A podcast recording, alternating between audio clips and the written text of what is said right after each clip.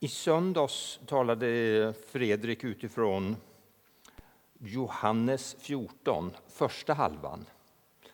Jag tänker gå vidare och ta den andra halvan eh, utav Johannes evangeliets 14 kapitel. Då läser jag från vers 15 till och med vers 31. Om ni älskar mig håller ni fast vid mina bud. Och jag ska be Fadern, och han ska ge er en annan hjälpare som alltid ska vara hos er, sanningens ande som världen inte kan ta emot. Ty världen känner honom inte. Ni känner honom eftersom han förblir hos er och ska vara i er. Jag ska inte lämna er faderlösa. Jag ska komma till er. Ännu en kort tid och världen ser mig inte längre, men ni ska se mig. Ty jag lever och ni kommer att leva. Den dagen ska ni förstå att jag är i min fader och att ni är i mig och jag i er. Den som har mina bud och håller fast vid dem, han är den som älskar mig. Den som älskar mig ska bli älskad av min fader och jag ska, uppenbar, jag ska älska honom och uppenbara mig för honom.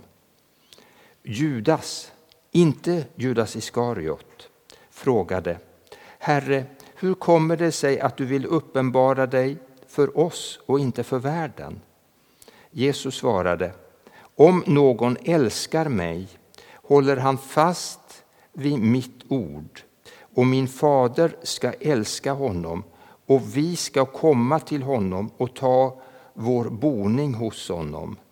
Den som inte älskar mig håller inte fast vid mina ord.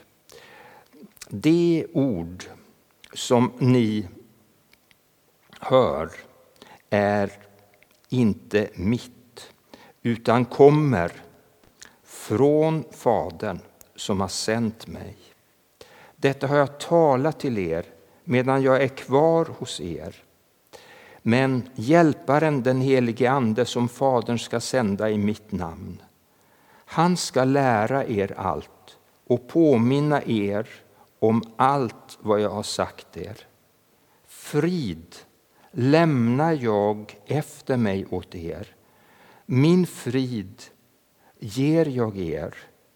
Inte ger jag er en sådan frid som världen ger. Låt inte era hjärtan oroas och var inte modlösa.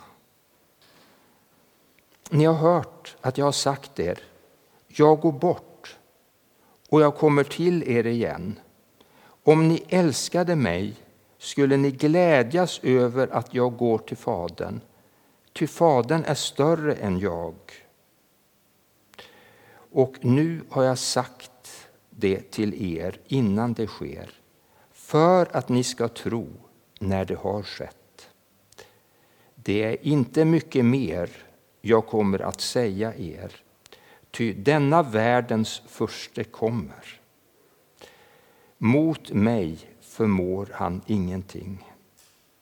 Men för att världen ska förstå att jag älskar Fadern och gör som Fadern har befallt mig, så stå upp och låt oss gå härifrån. Så lyder det heliga evangeliet. Lovad vare du, Kristus. I söndags, som fick nio faddrar boken Andens nio frukter.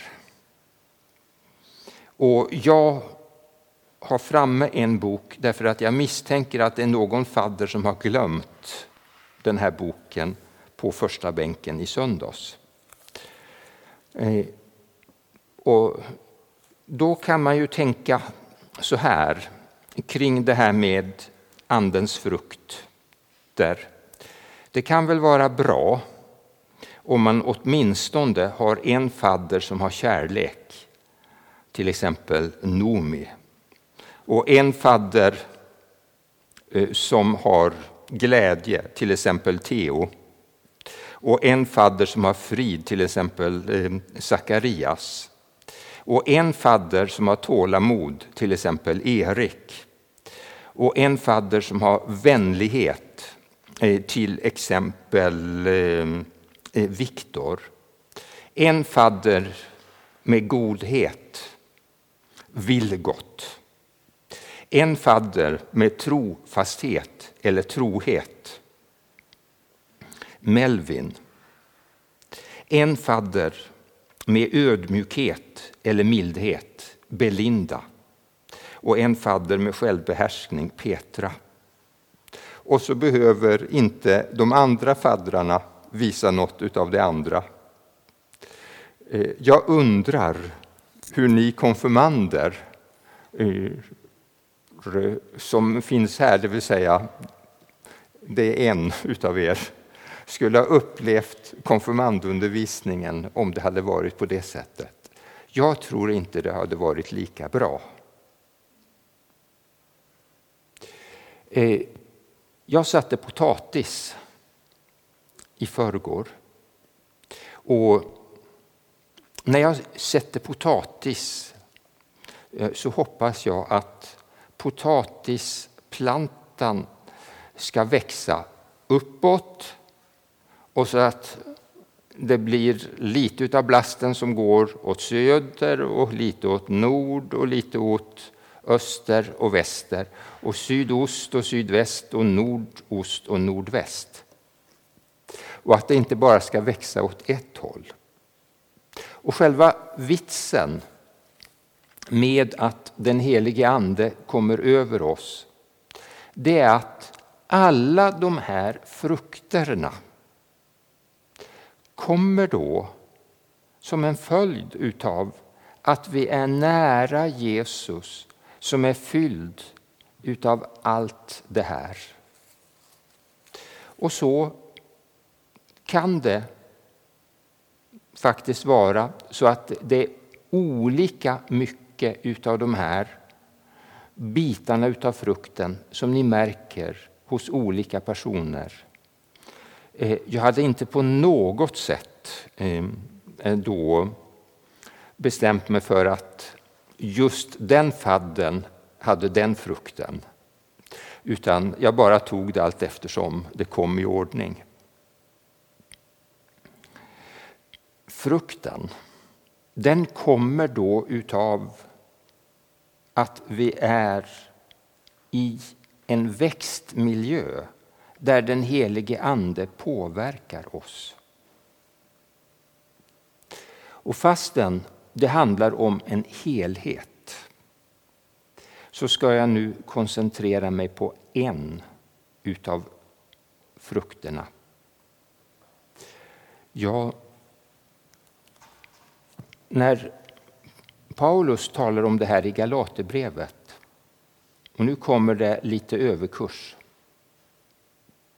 I grekiskan så står det inte frukt där i plural, utan Andens frukt i singular. Och Det handlar om att det egentligen alla de här sakerna som växer fram när det gäller Andens gåvor, då är det bra om nio faddrar har nio olika gåvor. Men vitsen med det härmed att bli mer Jesuslik, det är att vi ska bli mer Jesuslika på alla områden. Därför singularis. Nu ska jag koncentrera mig bara på frid. Jag ska ta en utav de andra bitarna utav frukten på söndag.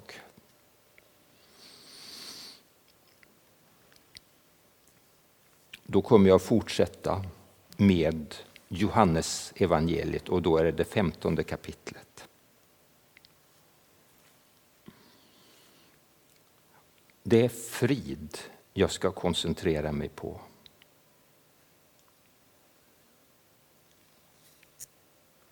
Det finns två olika sätt att få frid. Det ena är inte hållbart, det andra är hållbart. Vilket ska, vilket ska vi börja med? Ja, vi börjar med det hållbara. Friden jag finner Friden jag vinner först när jag finner vägen till dig, står det i en psalm som vi inte ska sjunga. Den erfarenheten att vi får frid genom att komma till Jesus med det som gör oss oroliga. Det är också något som Paulus tar upp i sin undervisning till Filipperna. Låt i allt era önskningar bli kunniga genom åkallan och bön med tacksägelse. Så ska Guds frid som övergår allt förstånd bevara era hjärtan och era tankar i Kristus Jesus. Det är det riktiga sättet att få frid. Det falska sättet att få frid det är att vi tänker jag tar inte åt mig. Säger någon någonting som jag behöver ändra på, jag tar inte åt mig för jag ska behålla friden. Är det något oroligt som händer i världen? Jag tar inte åt mig. Jag ska behålla friden. Är det då någon jobbig tanke som kommer? Jag tar hjälp av mindfulness för att tänka andra tankar. Jag tömmer mig på det som stör friden. Problemet med det här sättet att få frid det är att det blir ett egotrippat avstängande utav störande moment som är ett gigantiskt fridstörande moment. Friden som vi då längtar efter blir frid som vi tror att vi får om vi gör det och det och det och det. Och så blir vi fridsökare som blir mer och mer fridlösa. Nej, friden får vi när vi möter Jesus. Det är inte din egen ansträngning för att bli fylld av frid som håller. Utan det är mötet med honom som är fredsfursten och fridsfursten då får du bekänna det hos dig som inte passar ihop med friden. Och så ta emot förlåtelse. Och så kanske du går härifrån mer fylld av frid än du kom.